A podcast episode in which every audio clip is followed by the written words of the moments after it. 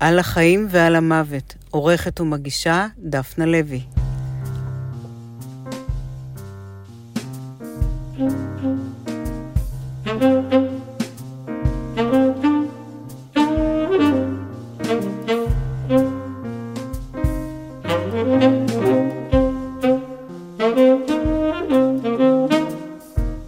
בשנת 1978 יולי כהן נפצעה בפיגוע ירי בלונדון. היורה, שהיה איש החזית העממית לשחרור פלסטין, ירה עליה, אז דיילת באל על, ועל אנשי הצוות האחרים בדרכם למלון. חבריה נפצעו גם הם, אחת מהן קשה מאוד, אחת מהן נהרגה, ויולי החלימה ומיד חזרה לטוס, כי גדלתי בספרטה, היא מסבירה. ובספרטה כשנופלים מהסוס קמים ומיד חוזרים לרכוב. 23 שנה לאחר מכן היא חזרה ללונדון כדי לפגוש את האיש שניסה להרוג אותה, ועשתה את הסרט המחבל שלי, שבמידה רבה שחרר אותה מהטראומה והתווה לה דרך של פיוס במקום אלימות. יולי, שיצרה מאז סדרה של סרטים העוסקים במורכבות הקשה של החיים בארץ, נפגשה איתי לשיחה ממש עכשיו, בימים האלה, כשהכאב והזעם שמסביב כמעט שאינם מאפשרים לשמוע קולות כמו שלה. שוחחנו גם על כך, אבל התחלנו בילדות שלה, בשכונת צהלה, ובחבר האהוב שלה, גורי שרון, שנהרג בגיל 11 בלבד, מפליטת כדור. בסביבות גיל 10, סבתא שלי, אמו של אבי, יהודית שלוש כהן, מתה והיא הייתה הסבתא האהובה שלי. ואני זוכרת את זה כשבר גדול. ואז סביב אותה, אותו גיל, מלחמת ששת הימים הביאה לכמה פרידות קשות בשכונה שגדלתי בה. כי גדלת בשכונה שהיו בה הרבה אנשי צבא. כן, גדלתי בצהלה, ואני זוכרת, כמו היום, שאני נכנסת הביתה מבית ספר, ואימא שלי עושה משהו בכיור, היא בוכה, ואני אומרת לה, מה קרה? והיא אומרת, מוש הלך.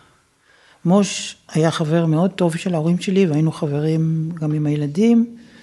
מוש חביב, היה איש מקסים. וככה זה המשיך. נהרגו הורים, ילדים.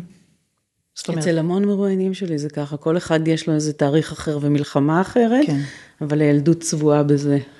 אז זה היה סבתא שלי, מלחמת ששת הימים, ואז גורי. כן, שהיה חבר שלך בכיתה? היה או... חבר שלי, הייתי מבקרת אצלו בבית, והוא אצלי, מאוד אהבתי אותו, ובכיתה ו', גיל 12, הוא נהרג מהרובה של אביו, הלו הוא אריאל שרון. שהם היו שכנים שלכם, נכון? לא באותו רחוב, אבל רחוב על יד, וזה היה מפגש מאוד קרוב עם המוות. זו הייתה פרשה הרי שכל המדינה דיברה עליה, ועד היום יש כל מיני סיפורים. היה לאריק שרון רובה תלוי בסלון, נכון? איזה רובה שלל או משהו כזה. ועד היום לא ברור כאילו מה קרה שם, נכון? מי ירה בזה? מי שיחק בזה? אז קודם כל, היה, היו על הקיר הרבה רובים, לא אחד. אה. אני זוכרת. ו... אנחנו אז היינו, המשפחה בחופשה, נדמה לי שזה היה בסוכות, חול המועד סוכות, ואני זוכרת שאנחנו מגיעים לחיפה, אולי מהכנרת, וההורים שלי מספרים לי שגורי נפצע. זה כבר היה בחדשות, אבל לא שמעתי חדשות. וכשהגענו הביתה, או למחרת, אני לא יודעת מתי, נודע לי שהוא לא נפצע, אלא הוא נהרג. עכשיו, הסיפור שסיפרו בשכונה, או בכיתה, או בבית ספר, היה שהוא וחבר, שכן, שקוראים לו גדי, לקחו לשחק. ילדים בני כמה? אז גורי היה בן 12, אנחנו היינו בן 12 וגדי היה בן 14. לקחו רובה לשחק, אני זוכרת את הנקודה ברחוב, אני, מדרכה ורחוב, רחוב יואב בצהלה, וכאילו ירו, חשבו שיש שם אה, כדור, אבל הוא לא נורא, ואז גורי הסתכל לתוך הרובה, לקנה. לקנה, וקיבל את זה במצח. הכדור הגיע. כן. עכשיו, אין לי מושג מהסיפור, אני לא חושבת שמישהו יודע. אולי גדי יודע. אבל גדי, המסכן, הואשם על ידי אריק שרון ברצח. בזמן שאריק שרון היה אחראי על הנשקים שהיו אצלו בבית. ו... אבל איזה תגובות היו אצלכם בקרב הילדים? הרי ילדים... אה, מדברים אחד עם השני בדרך כלל יותר מאשר הם מדברים עם ההורים על הדברים האלה. תראי, היינו בני 12 וחווינו אובדן, ועוד לא היה דיבורים על מה היה שם. רק לימים, כשהתחלתי לקרוא כל מיני, גם כשעשיתי את הסרט המחבל שלי וסיפרתי על הילדות שלי בצהלה, אז חקרתי יותר מה קרה שם ו- וגיליתי כמה הוא רדף אחריו. אריק שרון. הייתי שכנה של אה, גדי ואשתו, ואולי שני ילדים. אני פעם ראשונה נזכרת בזה עכשיו, בגני צהלה. המגורים הראשונים שלי מחוץ לבית. הוא, הוא, הוא ירד מהפסים, הוא, הוא נהיה פושע. הייתה לו אישה נורא נחמדה. וזה היה מקרה מאוד עצוב וטרגי. אבל את זוכרת משהו מהילדות, אם דיברו איתכם על זה? לא עשו לכם שיעור בכיתה? לא, לגמרי, כתבנו מכתבים לגורי שבשמיים. אני זוכרת שאני כותבת לו את המכתב. מה כתבת שם? כתבתי בטח, אני, אני לא זוכרת את המילים, אני רק זוכרת את התחושה שהוא אהוב, והוא הלך, והוא לא יחזור. ואיכשהו עם סבתא, זה היה יותר מובן, כי כאילו היא הייתה זקנה, אבל הוא היה חבר שלי בן 12, וזה לא, זה לא היה, זה, היה קשה לקלוט. מה זה הדבר הזה? ההיעדרות הזאתי. אני נורא אהבתי אותו. כן, איזה מין ילד הוא היה? הוא היה מתוק נורא. ו- ו- ולימים, טוב, זה היה סיפור מאוד מורכב, בגלל שגם לילי נכנסה הביתה במקום אימא שלו, הכרתי את מרגלית טוב, את אימא שלו. אימא שלו נהרגה בתאונת דרכים, בדרכה חזרה מהדסה, היא הייתה אחות. רגע, אבל זה היה בזמן שגורי עוד היה חי? כן, הוא איבד את כן. אימא שלו, והכרתי את גלעד והכרתי את עמרי, okay. בתור אוקיי. ילדים קטנים. כן. כן. מתוקים. אז אני חושבת שהוא היה נורא מתוק, מהבחינה הזאת ש... כאילו, כאילו הוא לא היה שוביניסט, כאילו כילד, את יודעת, יש ילדים כבר כזה גיבורים ואלימים, הוא לא היה, הוא היה, מש, היה בו משהו מתוק במיוחד. כן, יש לי תמונה שלו שאני ממחנה צופים האחרון שהיינו יחד בעוספיא, שעד היום אני שומרת, הוא היה ילד מתוק. הרובים האלה שאת אמרת שהיה יותר מאחד על הקיר שם, זה היה משהו שתמיד שיחקו בו? תראי, לא ידעתי שמשחקים ברובים, אבל גרנו בשכונה עם המון גנרלים. כן. ואיכשהו זה היה חלק מהנוף. אחד זה היה מטוסים, ואחד זה היה נשקים וטנק, זאת אומרת, איכשהו זה היה חלק מ... כמעט להגיד חדר משחקים של ילדים, זה יהיה הגזמה, אבל אה, זה, זה, זה לא היה זר אז. למה אתם הייתם בשכונה הזאת? הרי אבא שלך לא היה גנרל, נכון? נכון. אבא שלי התחיל את הקריירה המקצועית שלו במשרד החקלאות, אחרי שהוא חזר מלימודים בלוס אנג'לס. אחותה של אמא שלי כבר גרה בצהלה, אמא שלי חשבה שזה יהיה נחמד לגור בקרבת אחותה, והם מצאו בית, זה היה אז חולות, 53, ממה שאני יודעת הייתה להם דירה בתל אביב, שסבא שלי קנה להם, אז הם מכרו את הדירה בתל אביב וקנו את הבית הזה, שני חדרים בצהלה, חולות, היה קשה ללכת עם העגלה של התינוקות. את זוכרת ילדות שמחה שם, למרות כל הצבאיות הזאת? הייתה לי ילדות מאושרת, ברחוב, בחוץ, בטבע, עם חברים וילדים נהדרים. כן, הייתה לי ילדות מאושרת. ולא הייתי, ונגיד אה, צהלה נחשבת אה, תל אביב, אבל לא הכרתי את תל אביב בכלל, חוץ משהיינו נוסעים לסבא וסבתא בדובנוב. לא צהלה היית... נחשבת תל אביב רק על ידי תושבי צהלה. לא. תל אביבים לא רואים את זה ככה לדעתי. תשמעי, כשקיבלתי רישיון לא ידעתי כן, איך לנסוע לתל אביב, הייתי כן. צריכה לנסוע אחרי האוטובוס.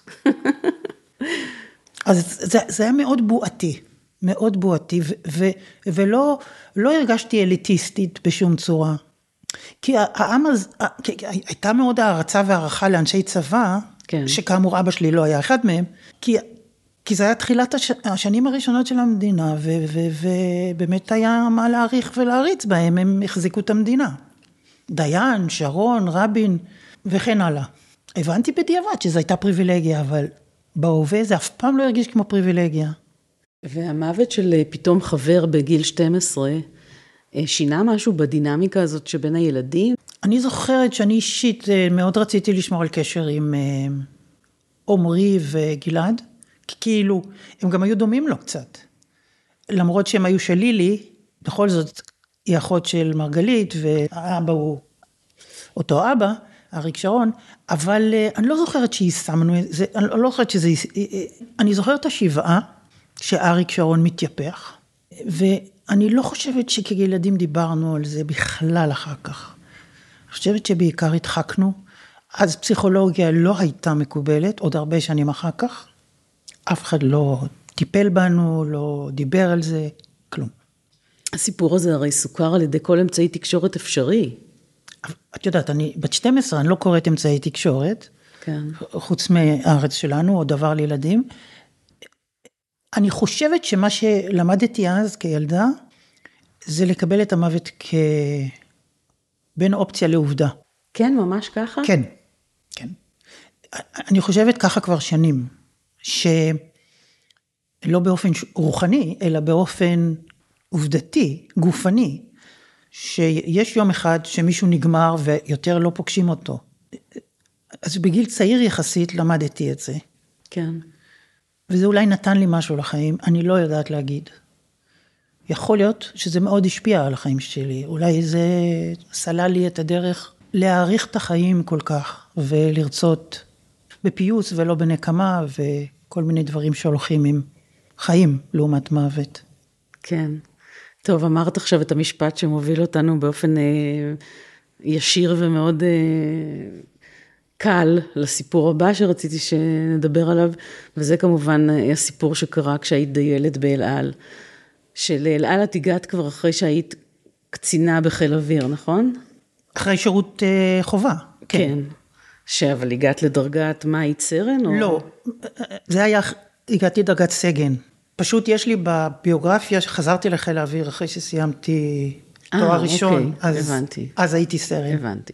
את גומרת בית ספר, תיכון, הולכת לצבא, מתגייסת לחיל אוויר? כן, רגע, אבל אי אפשר לדלג על מלחמת יום הכיפורים כשאני בי"ב. כן. עכשיו זה כבר בני הגיל של אה, אחותי, חברים שלה, ו... והשכונה ומדריך שלי מהצופים, וכן. ואז אחרי הצבא הלכת להיות דיילת באל על. אחרי הצבא נרשמתי ללימודים באוניברסיטה, והתפרנסתי מעבודת דיילות באל על. ולא הספקת לטוס הרבה מדי. לפי הסרט שראיתי, הסרט המחבל שלי, שש טיסות. ספרי לי מה קרה בטיסה השישית. זו הייתה טיסה ארוכה מאוד של תל אביב מונטריאול, ואחר כך מונטריאול לונדון ולונדון תל אביב. אז כשהיינו בדרך חזרה ממונטריאול ללונדון, הגענו לשדה התעופה. בהית'רו? כן, ובאופן נדיר, שלא לומר חסר תקדים, עשו עלינו חיפוש בשדה התעופה הצוות.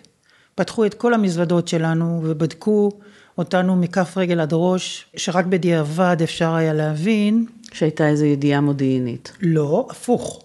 מישהו הלשין כאילו יש עלינו נשק, כדי שלא יהיה לנו נשק. עכשיו... כי בדרך כלל כן היה? יש את העניין הזה באלעל עם מאבטחים, עם נשק. כן. באנגליה אסור היה.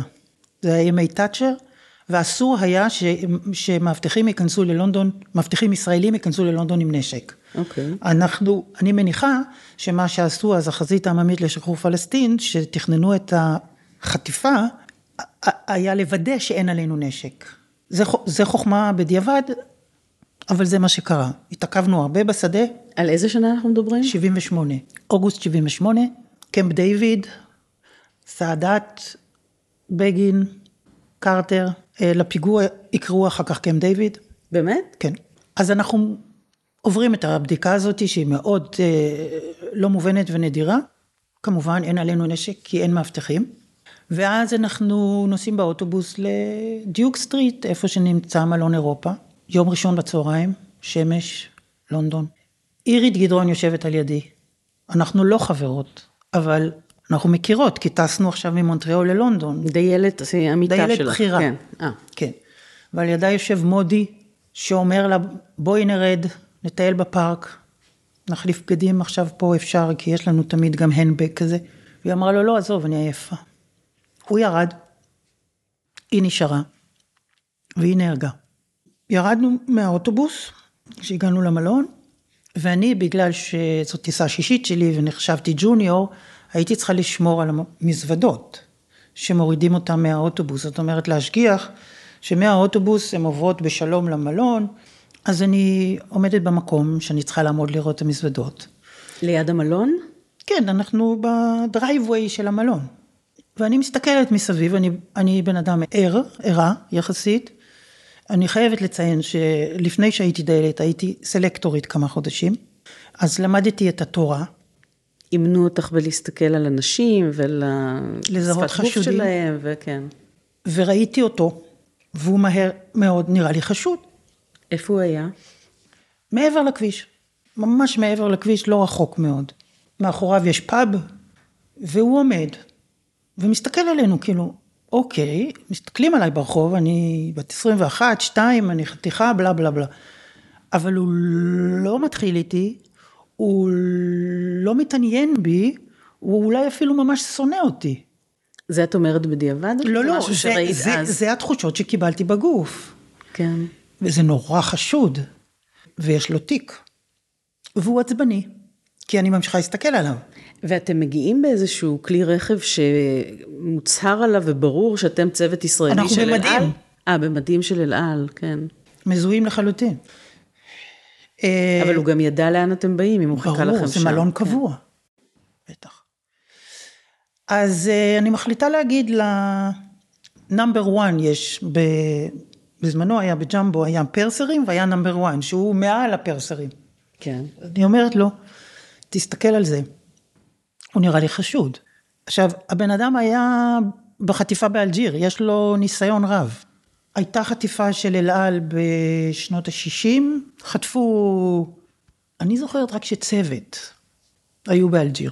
והאיש שהשתתף בחטיפה יצא מזה בחיים? כן, כן, כולם אומרת. יצאו מזה בחיים. הבנתי. כן, ולא אני אומרת. לנאמבר 1 שלך. כן, תראה, הוא חשוד, והוא מזלזל בי. תכף אני אגיד מה הוא אמר. אבל אני אומרת, תראה, יש לו תיק, הוא הולך לירות עלינו. הוא אומר לי, הוא הולך להוציא את הפיפי שלו. וממשיך ללובי, כאשר אני לא יכולה להמשיך ללובי כי אני צריכה לשמור על המזוודות. אז אני מחליטה ללכת לאחורי האוטובוס, שאם הוא יירה, אני לא אהיה בטווח הירייה. במודע ממש. לגמרי. עכשיו... מאיפה לא... הקור רוח הזה? אני חושבת ש... שככה גדלנו. ו... ועומד... ועומדת על ידי ג'ודי ארנון, שמה היא הייתה? שהיא הייתה דיילת כמוני, יפהפייה, שרצתה מהרה. רצתה לקחת את המזוודה שלה יותר מהר לחדר, לא רצתה לחכות. ואני אומרת לעצמי, אם הוא יורה, היא אוכלת אותה. וזה הכל עניין של שניות. כן, כן. ואז אני שומעת את זה שאמרתי לו, ה number 1, תרוצו, הוא באמת מחבל.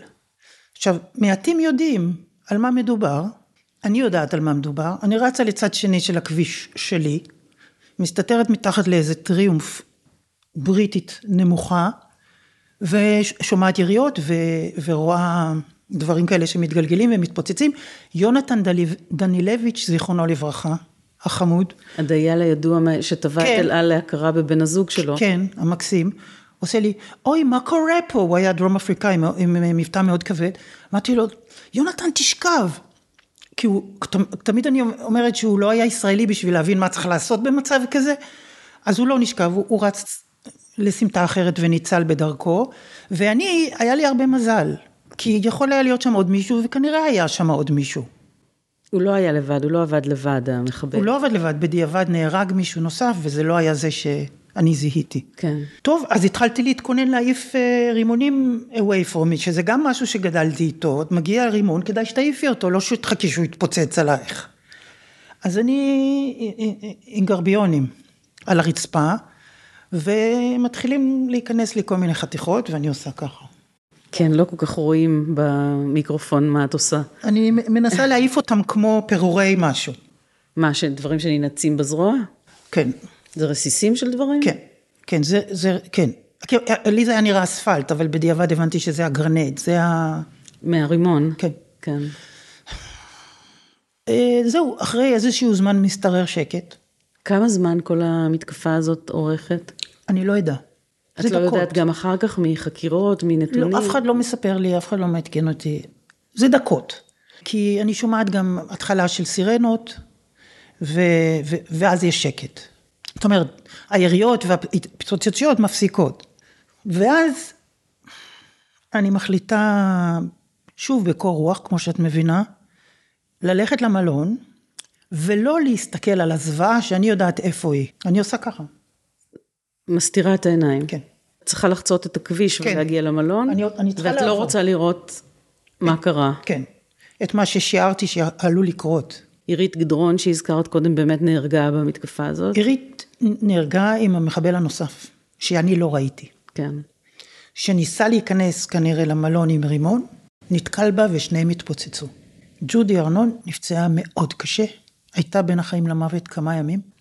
דיילת נוספת נפצעה קל, היא הייתה בתוך האוטובוס, עדיין.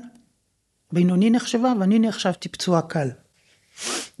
נכנסתי ללובי ורצתי לה ואמרתי לו אולי אלף פעם, אמרתי לך, אמרתי לך, אמרתי לך, אמרתי לך, אמרתי לך, אמרתי לך. אמר, כן, אמרת לי. ואז כן הלכתי לראות, חזרתי לחלון, לויטרינה של הלובי, לא זוכרת למה, וראיתי שמעלים לאמבולנס מישהו שנקרא מחבל בימינו, כן. גם אז, ובחקירה הראשונה של הסקוטלנד יארד, הייתי בטוחה שזה שראיתי זה זה שראיתי מת. יום אחרי זה, מה שנקרא cross examination, הבנתי שזה לא אותו אחד. כן. עכשיו, הם כבר ידעו מה שאני לא ידעתי. הם תפסו את זה שאני ראיתי. כן. אז אה, אז הזכרת קודם שבעצם מאחורי זה תוכננה חטיפה. כן, הם לא רצו רק לראות ולהרוג אתכם במקום. מה, מה שסיפרו לי, ואני לא יכולה להגיד את זה בוודאות, זה שאני סיכלתי פעולת חטיפה. בכך שהכנסתי אותו ללחץ והוא נכנס לפעולה, שבעצם מה שהם רצו, זה היה בשנות ה-70 מאוד מקובל, הם רצו, צוות מגיע וצוות יוצא לאותו אוטובוס. כן. הם רצו לחכות לצוות שיצא, לעלות לאוטובוס ולחטוף אותו, ולעשות עסקת ווטאבר. אז זה סיפור... בלונדון. כן, מעניין שהם הרגישו שם בנוח תראה, לחטוף אוטובוס בלונדון. כן, תראי, הם עשו, הם עשו את זה במינכן, הם עשו את זה בווינה, הם עשו את זה, אבל זה, כן, החזית העממית לשחרור פלסטין, הזרוע המבצעת, הייתה מאוד חזקה באירופה בשנות ה-70, ועיראק כנראה שיתפו איתם פעולה, זה כנראה מחבלים שאני פגשתי, יצאו משגרירות אה, עיראק בלונדון, למשימה. הסיפור ממשיך ככה שנכנס לי רסיס גדול יחסית בזרוע, לא רציתי להתפנות, הוא הלך והתנפח, הרופא שהגיע למלון נתן לי טטנוס, אבל זה הלך והתנפח שבערב הייתי חייבת ללכת לבית חולים, הלכו איתי שני דיילים, ואיזשהו סטאג'ר הוציא לי את הרסיס מהזרוע ותפר. היו לי שני מפגשים אה, משמעותיים אחרי זה, אחד זה עם אילן כפיר שהיה כתבנו ב, בלונדון של ידיעות אחרונות ואני קוראת לו הפסיכולוג הראשון שלי כי הוא ממש התעניין בסיפור שלי וסיפרתי לו שם. מיד אחרי שזה קרה. כן, אני חושבת שהוא בא ביום השני שכבר ה cross examination עזר לי להבין שמי שראיתי זה לא מי שראיתי על אלונקה מת. אבל כשחזרתי לארץ ונהייתי אייטם תקשורתי בעל כורחי, הגיעו גם מהמוסד לדבר איתי. רגע, שם בזמן שאת במלון, אחרי שכל זה קרה, נפסקו היריות, מה קורה? אנחנו כולנו בלובי, רועדים, מדברים, בוכים, אחר כך ישנים שניים בחדר כדי שלא נהיה לבד. הקווים לישראל מאוד קשה להשיג שיחה. אבל לא הגיעו כל אנשי השגרירות, לא קיבלתם מיליון אבטחה ודברים וזה? כלום, לישראל אסור היה אז להחזיק נשק בלונדון. אני מניחה ש, ש, ש, שהסקוטלנד יארד יפתחו אותנו מאותו הרגע. יודעת- ואין, גם אז עדיין אין טיפול פסיכולוגי שום ותמיכה. דבר, כלום, כלום. אני יודעת בדיעבד מההורים שלי שאבא שלי לא האמין לאף אחד, ומכיוון שהיה לו דוד, אח של סבתא שלי, אה, גר בלונדון, יורם שלוש, הוא שלח אותו לבדוק בבתי חולים, במתים, דוד שלו חזר אליו ואמר לו, יש אחת אה, ערוגה עם הרבה תכשיטים עליה, אז הוא אמר, זה לא הבת שלי. אז אה, בלילה כנראה הצלחנו לדבר. אתם ידעתם כבר שיש לכם אה, עמיתה הרוגה? אני מניחה שהיא נחשבה אולי פצועה בהתחלה. אני לא זוכרת מתי נודע לנו שעירית מתה, ושג'ודי נלחמת על החיים שלה. ושמיכל פצועה קל, כן. ואני לא רציתי להתפנות. אז אני לא זוכרת מתי נודע לנו, אבל כנראה די מהר. אז כשפגשתי את חוקרי המוסד בביתי, הכת בצהלה, אני חושבת שלמדתי מהם שאולי סיכלה, היו כותרות בעיתונים, הדיילת הגיבורה שסיכלה, אני לא באמת יודעת. אף אחד לא שיתף אותי באופן אה, גם מסודר. הוא עצמו, שנקדים לרגע את המאוחר, במין ספוילר, שהוא לא ספוילר, כי את עשית על זה סרט, ונגיד שאת פגשת אותו ודיברת איתו, גם הוא עצמו לא סיפר לך שום דבר על... הוא, הוא, הוא, הוא בענק אכזב אותי, כי כשהגעתי אליו לכלא, אחרי 23 שנים, יש לומר, ביקשתי ממנו לשמוע, והוא ביקש ממני לא לצפות ממנו לחזור לאירוע הזה, וויתרתי לו. ויתרתי לו, אז אין לי אינפורמציה. תראי, הגעתי להעיד במשפט שלו שנה אחרי, אף אחד לא עדכן אותי אף פעם, בכלום. המשפט שלו התקיים בלונדון. כן, כן. ידעתי שהוא נעצר, הבנתי שזה זה שראיתי, הוא אז צוטט בעיתונאים ש... כאומר שהוא ממזרח ירושלים ושהוריו נרצחו על ידי ישראל, מה שלימים גרם לי להגיד לו במכתב הראשון או השני, אם אנחנו יכולים לסלוח אחד לשני. אנשים שאלו אותי על מה את צריכה, על מה הוא צריך לסלוח לך. אז אני חשבתי שהוריו נרצחו על ידי ישראל, והרגשתי צורך להגיד לו סליחה על זה. כן. ולימים מסתבר שזה לא הסיפור, זה היה סיפור כיסוי. מילא. אוקיי. רגע, נחזור אליו, אבל אנחנו עדיין איתך, את בסך הכל בת כמה? 22. פצועה, כן, אחרי התקפת כן. דברים שאומנם את היית בצבא, אבל את לא חווית כאלה דברים, את לא היית בשדה קרב או לא. בזה, ובטח לא ציפית לזה באמצע לונדון. לא. ומה מה, מה את עושה? אתם ישנים בלילה ולמחרת את כבר מגיעה לישראל, או מתי אתם... אה, לצערי, אמרו לנו שניסע למחרת, ואז למחרת אמרו לנו לא נוסעים עדיין. אני נורא כעסתי, ולימים הבנתי, כי אז הגיע ה-cross examination, והייתי במקום אחר, התודעה הייתה במקום אחר. וזה דבר שגם לימד אותי המון על החיים. שכשנמצאים בטראומה, לא יכולים לדווח על המציאות כפי שנקלטה. אז אה, לקח עוד לילה וחזרנו. לא, אה, כן. כמה שנים עברו מאז האירוע שאנחנו מדברות עליו עכשיו? בואי נעשה חשבון שנייה, 67 פחות 22, 45. כן. באוגוסט היה 45 שנים. כן. וזה לא רגע שאפשר לשכוח כמובן. אי אפשר לשכוח. אבל הוא משתנה ב-45 שנה? תראי, אחרי שעשיתי את הסרט, עברתי שינוי דרמטי. אני חושבת שהסרט שחרר אותי מהטראומה ברמה עצומה. ומתי עשית את הסרט? 2000, 2001, 2002. כשמתפרצת אינתיפאדה נוראית.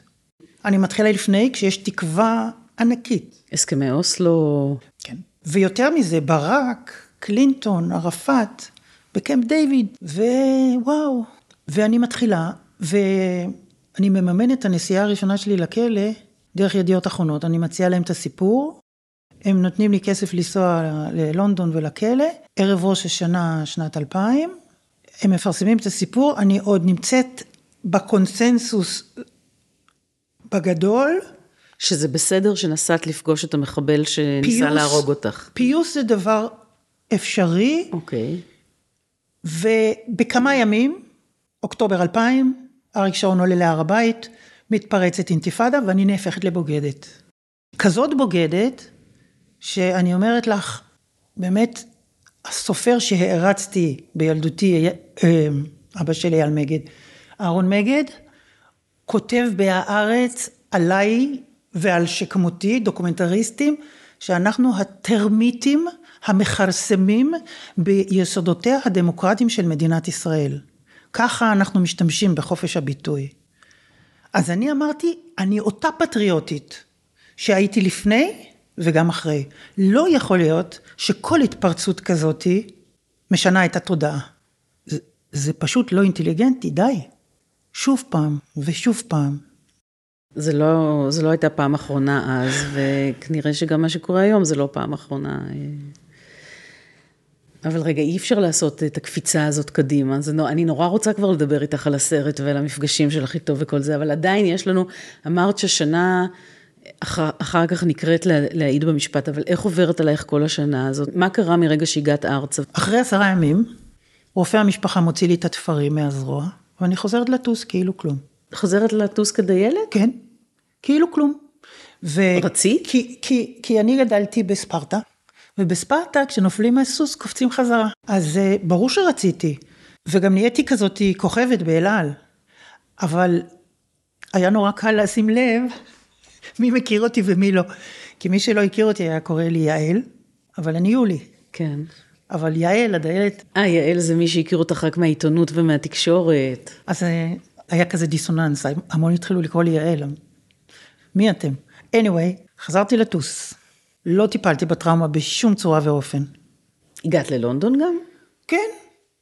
הגעתי ללונדון, ובלונדון היו שומרים עלינו מאותו פיגוע אופנוענים כאלה עם נשק וזה וזה וזה, ולא רק שהייתי מגיעה... בריטים, בריטים, כמובן. כמובן. ולא רק שהייתי מגיעה, גם הייתי נותנת להם הוראות. איזה? למשל, ירדתי מהאוטובוס, הוא הסתכל עליי, אמרתי, אל תסתכל עליי, תסתכל מסביב, מה אתה חושב שאתה עושה פה? הרגשתי נורא אינטייטד להגיד מה, מה צריך לעשות. כי עכשיו יש לך ניסיון כן. בסיכול חטיפות כן. ופיגועים. כן. כן, זה הלך איתי עוד, אני חושבת עשרות שנים, בשדות תעופה, בכל מיני מקומות. הייתי באה ומדווחת על דברים חשודים. ואני חושבת שאולי סיכלתי פעם איזה, מה? לא משנה. איזה? אי אפשר לדעת, כי לימים קרה שם משהו, אבל אני ראיתי מישהו מאוד חשוד, ודיווחתי עליו להבטחה של אל על, וזה קרה לי הרבה. כן. כי נהייתי מאוד רגישה ו... הגעתם גם לאותו מלון? כן, כמובן. כמובן. באותו מלון, ויכולת להגיע לשם, לרדת מהאוטובוס וללכת לאותו... אצלנו קופצים על הסוס בחזרה וממשיכים לדהור. בסדר. זה הריפוי. אבל אחר כך, באמצע זה הדהרה... הריפוי. אה, הרי אנחנו יודעים שהטראומות האלה לא הולכות לשום מקום, הן רק מחכות להזדמנות להכניס לך פטיש בראש. יופי. אז אני אספר לך מתי זה חזר אליי. כן. אבל עוד רגע אני רוצה לספר לך שחש... שאל על הציעו לי קביעות, כן. ואני בטיפשותי כרבה, או בנאיביות, או בפטריוטיות יתר, או אמרתי, לא, לא תודה, אני סטודנטית, אני רק רוצה להיות זמנית. למדת קולנוע? לא, למדתי סוציולוגיה ואנתרופולוגיה באוניברסיטת תל אביב, התחלתי בירושלים, עברתי לתל אביב, וכשרציתי לתבוע את ביטוח לאומי כלימים, רציתי לתבוע את ביטוח לאומי כי נפצעתי בעבודה. כן. אז אבא שלי אמר לי, לתבוע את ביטוח לאומי זה כמו לתבוע אותי. אני זה המדינה.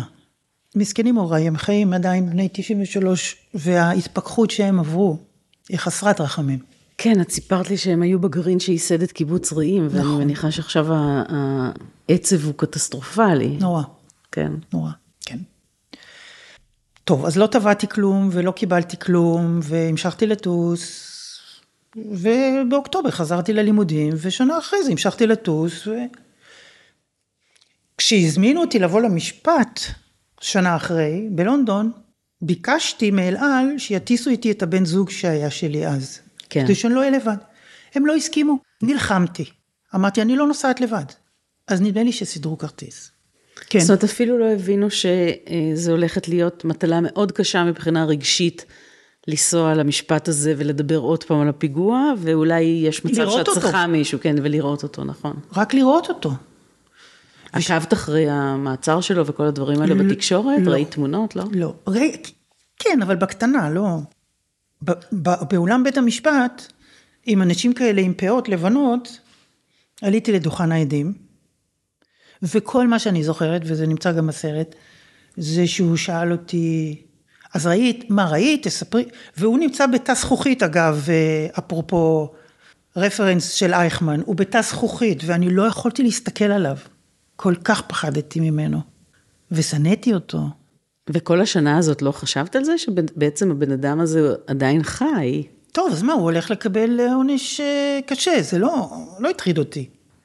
תראי, לא שלא היה לי פרנויה. הייתי כל הזמן מסתכלת סביב, אני אומרת, דיווחתי כל הזמן. מבחינתי היו הרבה חשודים, ובאמת, ששנות ה-70 באירופה, היינו, אה, אל על היה אחד היעדים, כמו מינכן, כמו המון. באחד הסרטים שלך, שהסרטים שלך, אה, כל אלה שאני ראיתי הם נורא נורא אישיים. את עושה סרטים על עצמך, על הבנות שלך, על ההורים שלך, על אח שלך, אה, כולם מאוד מאוד קרובים אלייך. יש קטעים שהבנות שלך אה, מספרות על, על היותך אימא נורא נורא מגוננת, שלא נותנת ככה בקלות להסתובב בחוץ, שמא יקרה להם משהו באמת. אז זהו. אז זה הפעם הראשונה שזה התפרץ, חזר, הטראומה אצלי, היה כשהייתי עם ילדה אחת, והיא על תרמיל על הגב, ואנחנו עושים צעדה מתל אביב ליפו, בהקשר של האינתיפאדה 88-9. ישראלים יהודים זורקים עלינו אבנים וחול מחוף הים בתל אביב. אז הבנתי שאין לי שום טולרנטיות לאלימות, ונכנסתי הביתה. ולא עשיתי כלום המון שנים. ואז, תשעים וכמה, מתחילים פיגועי התאבדות, ואני בסנף לא מפסיקה לצפות בהם. אני, יותר מזה, פורים, גולדשטיין, אני בבית, הילדות אצל השכנים, מתחיל, מתחיל, מתחיל משהו נורא, אני הולכת לשכנים, אני לוקחת את הבנות, אני אומרת, אנחנו צריכים ללכת הביתה, קרה משהו נורא, אנחנו נכנסות הביתה, אני סוגרת תריסים, ואני מבינה שאני בפוסט טראומה. כי מה שקרה קרה במערת המכפלה ואת בתל אביב. כן. אני לא זוכרת, אה, זה מה שאני זוכרת. ואז פיגועי ההתאבדות וזה, אני לא נותנת להם לצאת מהבית.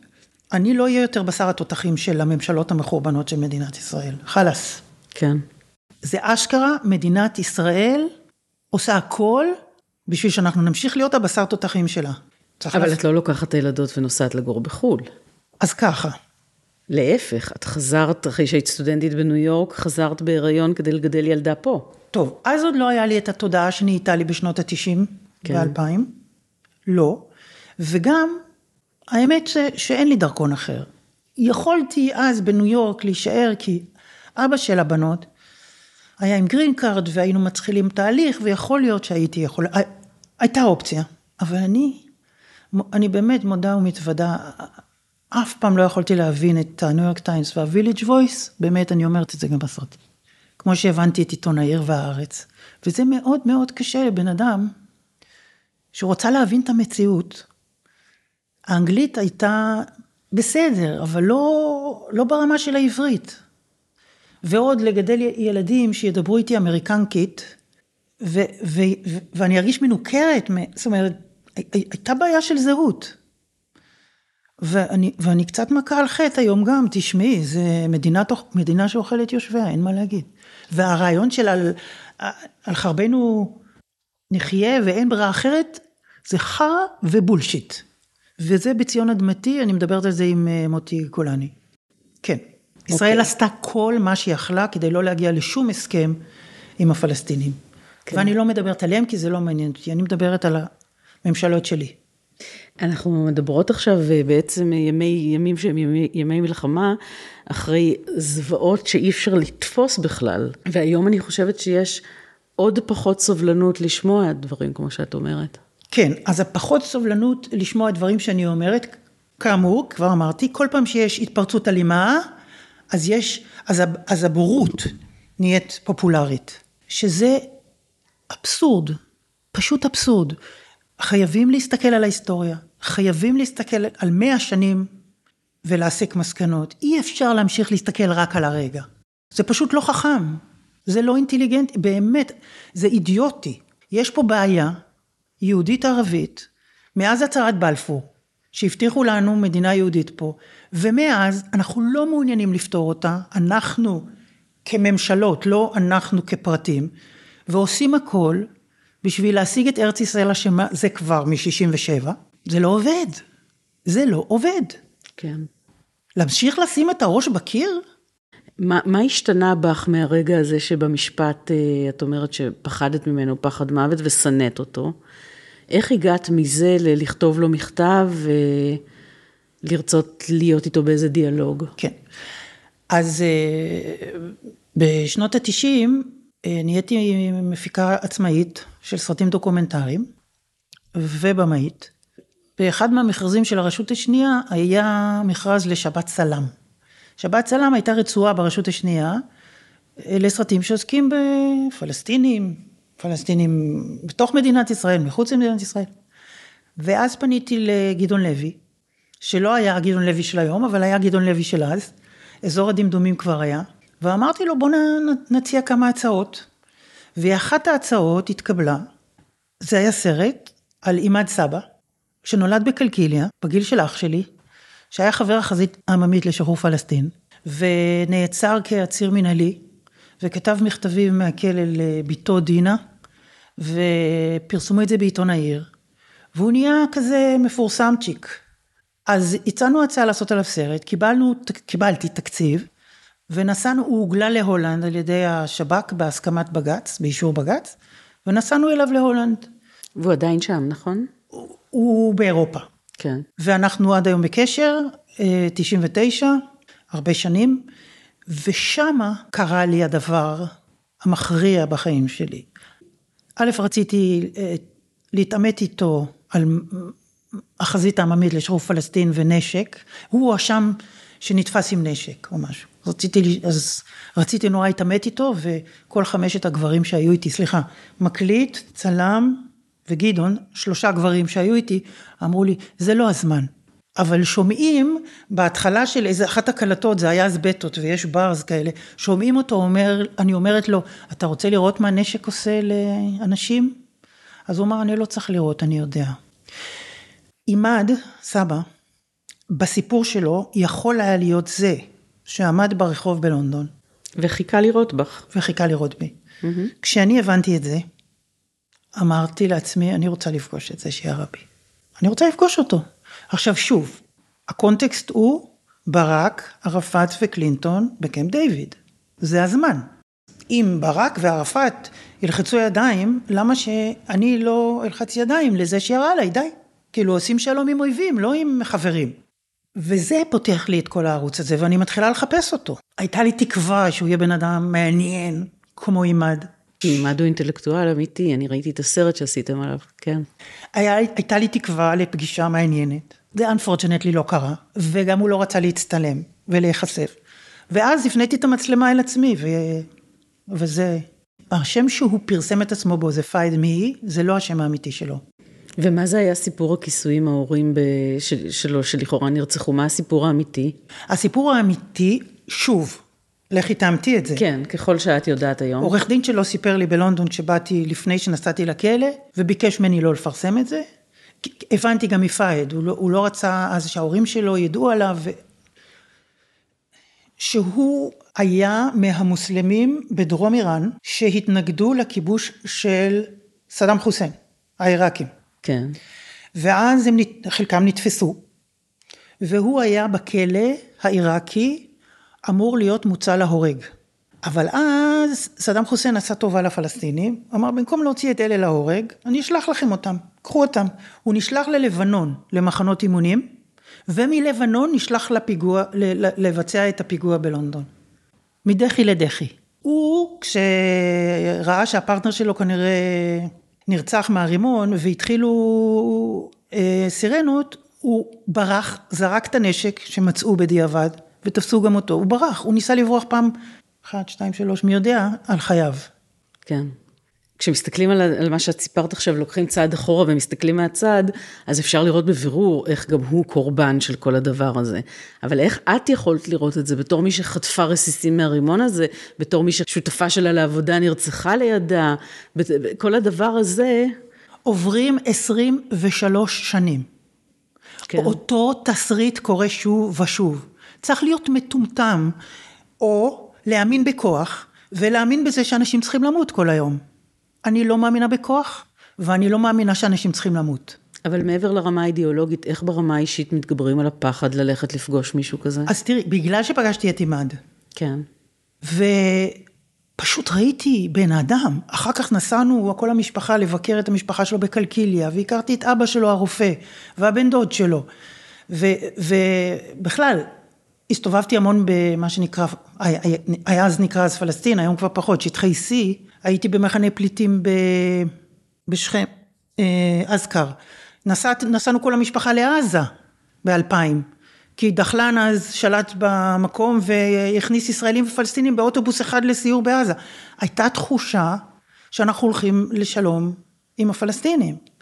אז די, כאילו, מה, להמשיך לכעוס עליו?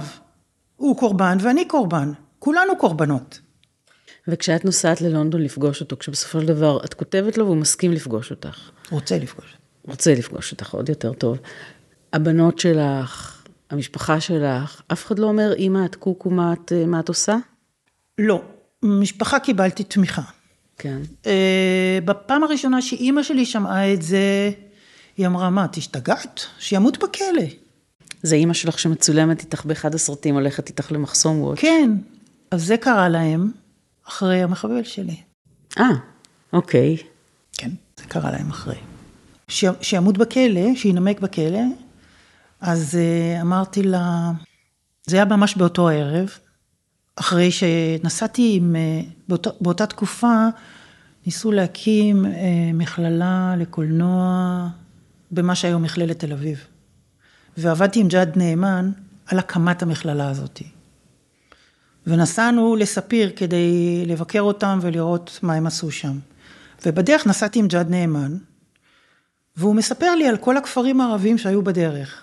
הנגב, הנגב המערבי שאני מכירה כאילו כמו כף ידי, כי ההורים שלי הקימו את קיבוץ רעים, ואהבו אהבת נפש את האזור, ואבא שלי הקים את אה, אנדרטה לחטיבת הנגב. אני נוסעת עם ג'אד נאמן ומתגלה לי עולם שלם שלא הכרתי. פה היה כפר, פה היה כפר, פה היה כפר, הוא ממזכרת בתיה.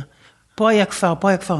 באותו יום שישי של ארוחת שישי אצל הוריי, שאני מדברת על זה שאני רוצה לפגוש את פאיד, בכלא, ואימא שלי אומרת שינמק בכלא, אני מספרת לה על, ה, על התגלית דרך ג'אד נאמן, שלא ידעתי שהיו כל כך הרבה כפרים אה, פלסטינים בנגב המערבי ש, ש, שנמחקו. אז אה, אימא שלי אומרת לי, הם ירו עלינו מכל עבר, לא הייתה ברירה. טוב, לימים נכנסתי לחקור את זה גם בסרט הבא, בציון אדמתי, כי במחבל שלי הלכתי עד 67 ובציון אדמתי כבר הלכתי ל-48. התמיכה שקיבלתי מהבנות ומהבן זוג הייתה טוטאלית. מוכרחה להודות שכמה שהן היו קטנות, 10 ו-12, ששאלתי את בת ה-12, את פוחדת שאני נוסעת לפגוש אותו? אז היא אמרה לי, תקשיבי טוב, זה באמת קשה להאמין, לפעמים ילדים נבונים יותר ממבוגרים. היא אמרה לי, אמא, אם את זיהית אותו ברחוב, את תפגשי אותו בכלא ואת תדעי. את לא, כאילו, אני לא חוששת. זאת אומרת... את תדעי אם הוא מסוכן לך. כן. כן. כן. עכשיו, כמובן, בן אדם מאחורי סוגר ובריח הוא לא מסוכן לי, אבל, אבל זה בדיוק, היא בדיוק אמרה לי את מה שמדויק. אני ישבתי שמה, שעה, לא יודעת, ביקור, ויכולתי לחוש אם הבן אדם הזה מסוכן או לא. והייתה לי מסקנה אחת, הוא הפסיק להיות מסוכן. ישבתם באותו חדר או באמת מאחורי מחיצה? כמו שאת ואני יושבות. ממש ככה, בלי ממש שום ככה, מחיצה. ו... שום מחיצה. ולמה הוא לא הסכים להצטלם? תראי, הוא ניסה לברוח מהסיפור המקורי שלו. לכמה שנים הוא נשפט? אוקיי, הוא נשפט למאסר עולם, אמ, כאשר, מספר פעמים, כאשר באנגליה זה 22 שנים. אני פגשתי אותו אחרי 23 שנים. הוא לא שוחרר אחרי 22 שנים, כי לא הייתה לו אזרחות. ויש חוק באנגליה, שאם אתה לא בריטי ונמצאת אשם ברצח על אדמת אנגליה, אתה צריך להיות דיפורטד. מגורש. מגורש. לא היה לאן לגרש אותו, כי לא היה לו ניירות. אז הוא היה בסבך בירוקרטי. אז המכתב שלי הראשון לוועדת השחרורים שלו עזר קצת. שביקשת שיתחשבו בו. בבקשה, כן. ואחרי כמה שנים שהוא עוד לא שוחרר, הוא, הוא, הוא קודם. ב-level של ה... יש ABC של להיות כך. בירוקרטיה. כן. כן. ועוד כמה שנים אחרי זה, אחרי שהסתובבתי בארץ ובעולם, במאות הקרנות, וראיתי כמה שהעולם צמא לפיוס, כתבתי שוב מכתב לוועדת השחרורים והוא שוחרר ב-2008, זאת אומרת שהוא היה 40 שנה בכלא. ולאן הוא הלך? הוא הלך לאנגליה. אה, לא שמרנו קשר, יש לי חבר משותף שדרכו אני מתעדכנת לפעמים. יש לנו. ובאמת, איך הייתה הפגישה הראשונה הזאת? שמעי, יצאתי מהכלא והרגשתי שאני מרחפת מעל הרצפה. אין לזה הסבר במילים. זו הייתה חוויה רוחנית. אני יושבת מול, אני מסתכלת לעיני, בעיניים של בן אדם שהסתכלתי לו אז בעיניים וראיתי שהוא רוצה להרוג אותי, והוא ניסה להרוג אותי. כן. ואז אני יושבת מולו, והוא מתחנן לעזרתי, אומלל, חסר אונים. אין לו שום כוונה להיות אלים.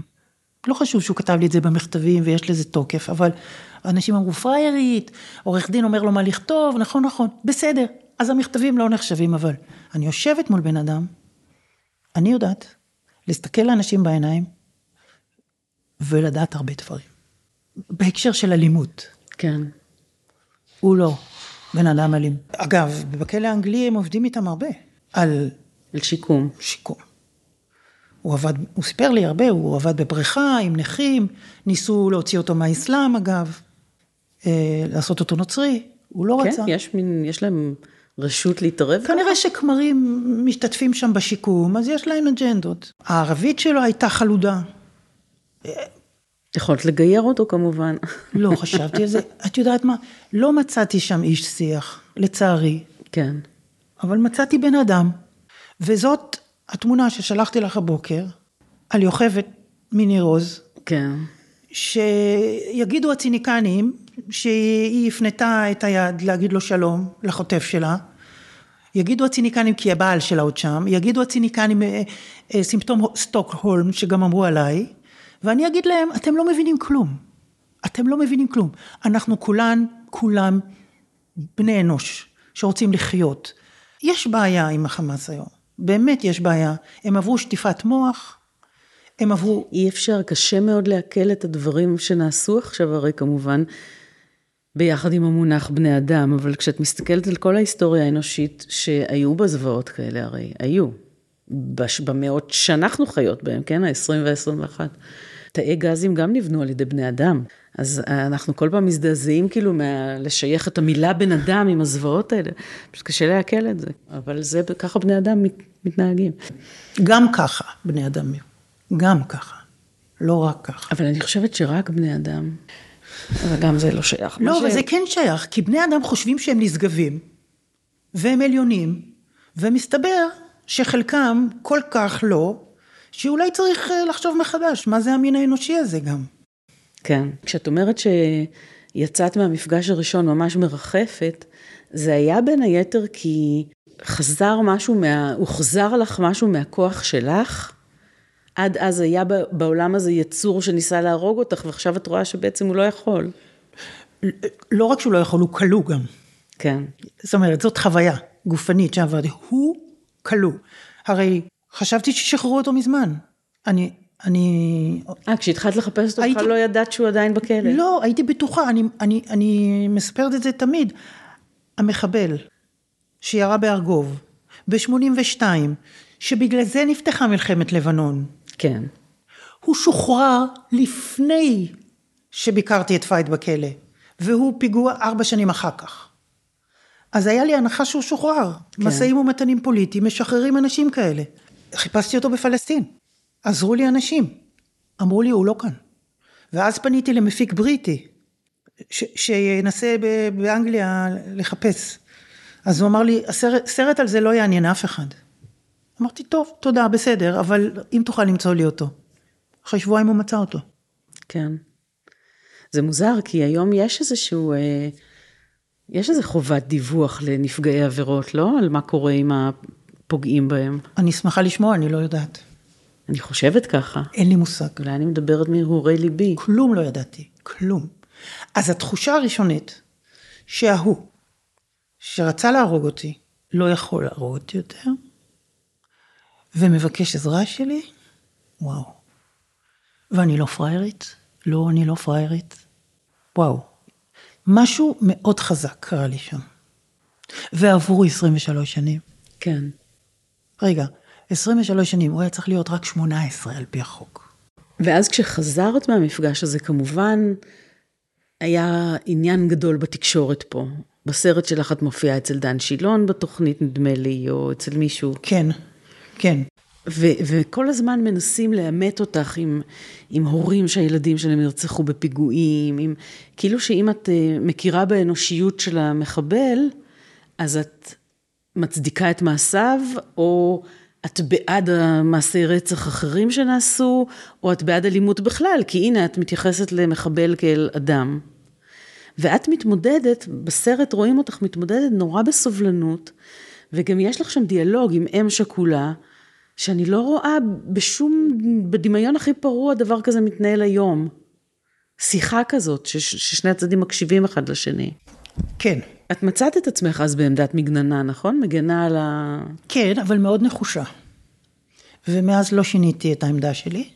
וכן, ישראל מאוד הידרדרה מאז. והפסיקו להיות קמפ דיווידים, והפסיקו להיות שיחות. והמחנה הקטן שמאמין בפיוס, שותק. והמחנה הגדול שמאמין בנקמה, צועק, ושולט, ומכריע ומחליט לכולנו, וזה נורא עצוב. ברמה האישית, את, אה, אחרי שעשית את הסרט הזה, ואחרי שדיברת על זה, ואת אומרת שהיו מאות הקרנות בעולם, ופגשת קהלים שהגיבו לסרט, וכל זה, את מרגישה שטיפלת בעצמך בדרך זה גם? בטראומה שלך? ב... אז, אז ברט, ברטרוספקטיבה, בהווה לא ידעתי, אני יודעת בוודאות לומר שנפרדתי מהטראומה. זאת אומרת, יש לי עוד תופעות גופניות לפעמים, נגיד יש אזעקה, אני יכולה להיכנס לרעד, לא שולטת בזה, אבל לא כל פעם כבר, ממש יכולתי לראות את השיפור. כן. כן. בכל המתקפות האלה שהתקיפו אותך כשהסרט יצא ובתקשורת וכל זה, רואים גם ביקור שלך אצל ההורים של עירית גדרון. לא, לא היה ביקור. אז מה רואים מה שם? מה שרואים שם זה, אני כתבתי להם מכתב, mm-hmm.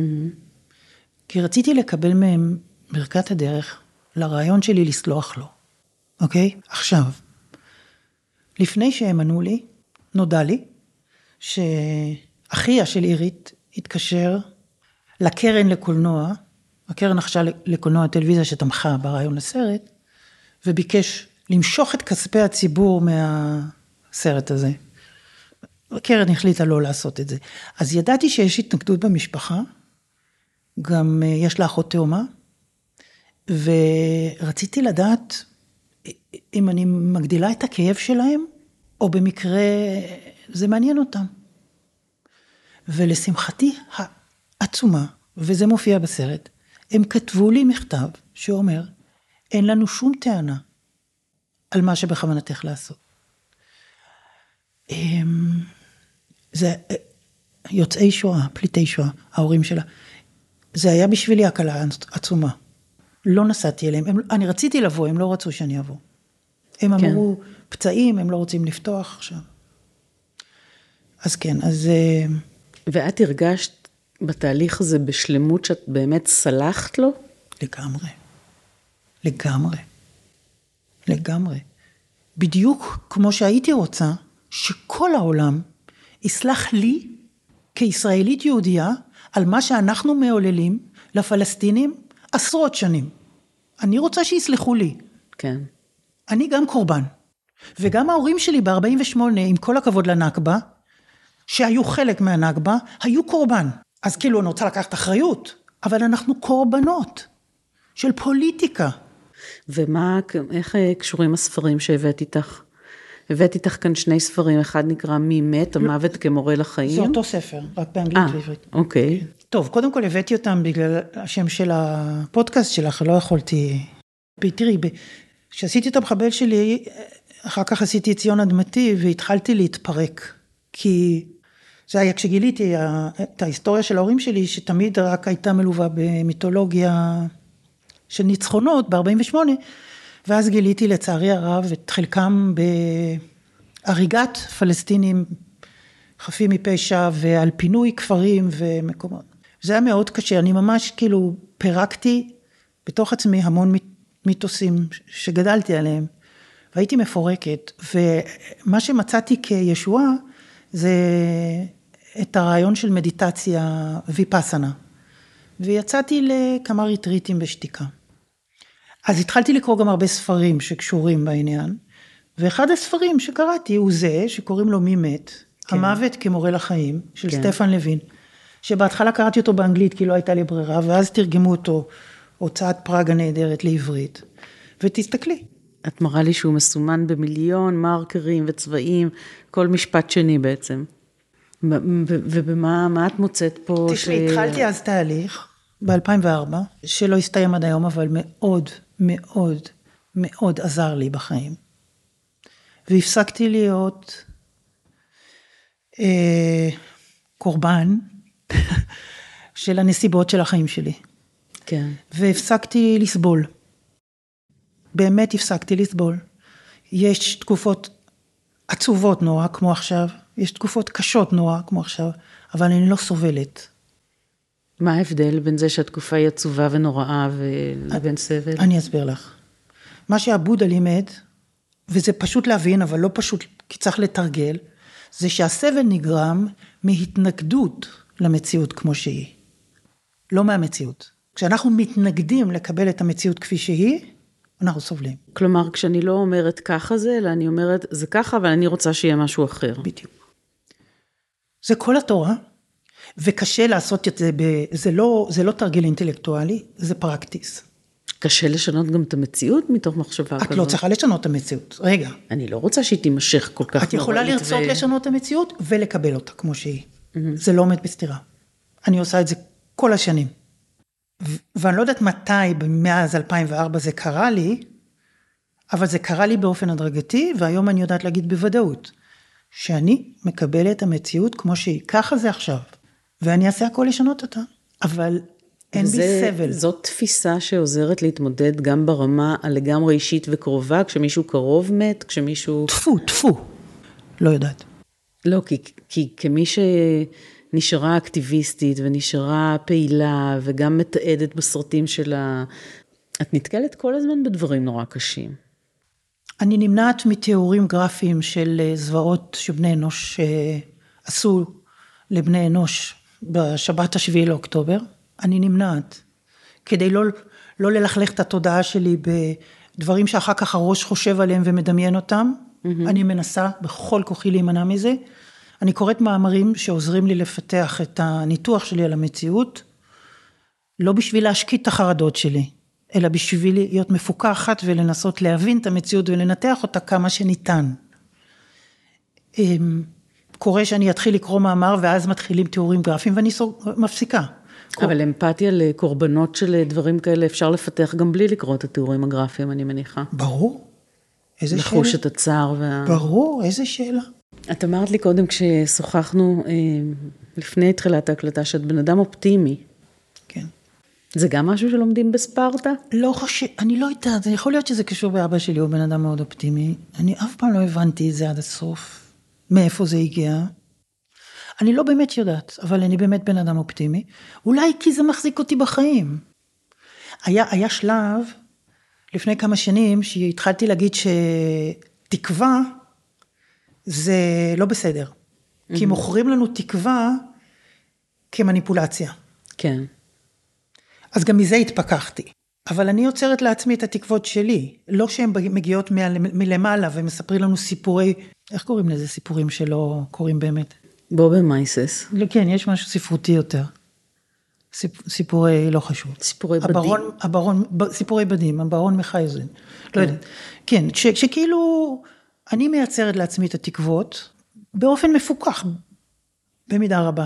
או ככה אני מאמינה. כן. לא, לא משלת עצמי, לא מייפה. את עובדת עכשיו על סרט? אז זהו, שבשנה האחרונה עבדתי על סרט אה, מאוד רציני על הר הבית ואל-אקצא, ואפילו היינו במעבדת פיתוח של קרן גשר לקולנוע רב תרבותי, מה שנקרא ברוח הקולנוע, שזה שיתוף פעולה בין יוצרות, יוצרים דוקומנטריים לאנשי אקדמיה, ועם דוקטור ערן צדקיהו שהוא מומחה להר הבית. אני לא יודעת אם את יודעת איך החמאס קוראים למלחמה חרבות ברזל, הם קוראים לה מבול אל-אקצא. אני עכשיו תוהה אם אפשר אה, לעשות עם זה משהו ש... שיהיה רלוונטי ואקטואלי. כן. אה, ואני שוברת את הראש על זה. כן. ואני קוראת הרבה דברים, כולל על החמאס, כדי להבין מה הסיפור, מה הסיפור. יולי, תודה רבה לך. אני מקווה שהאופטימיות שלך אה, תקבל איזה הדהוד גם מהמציאות. נכון, זה מה שיש לקוות. תודה רבה לך. thank you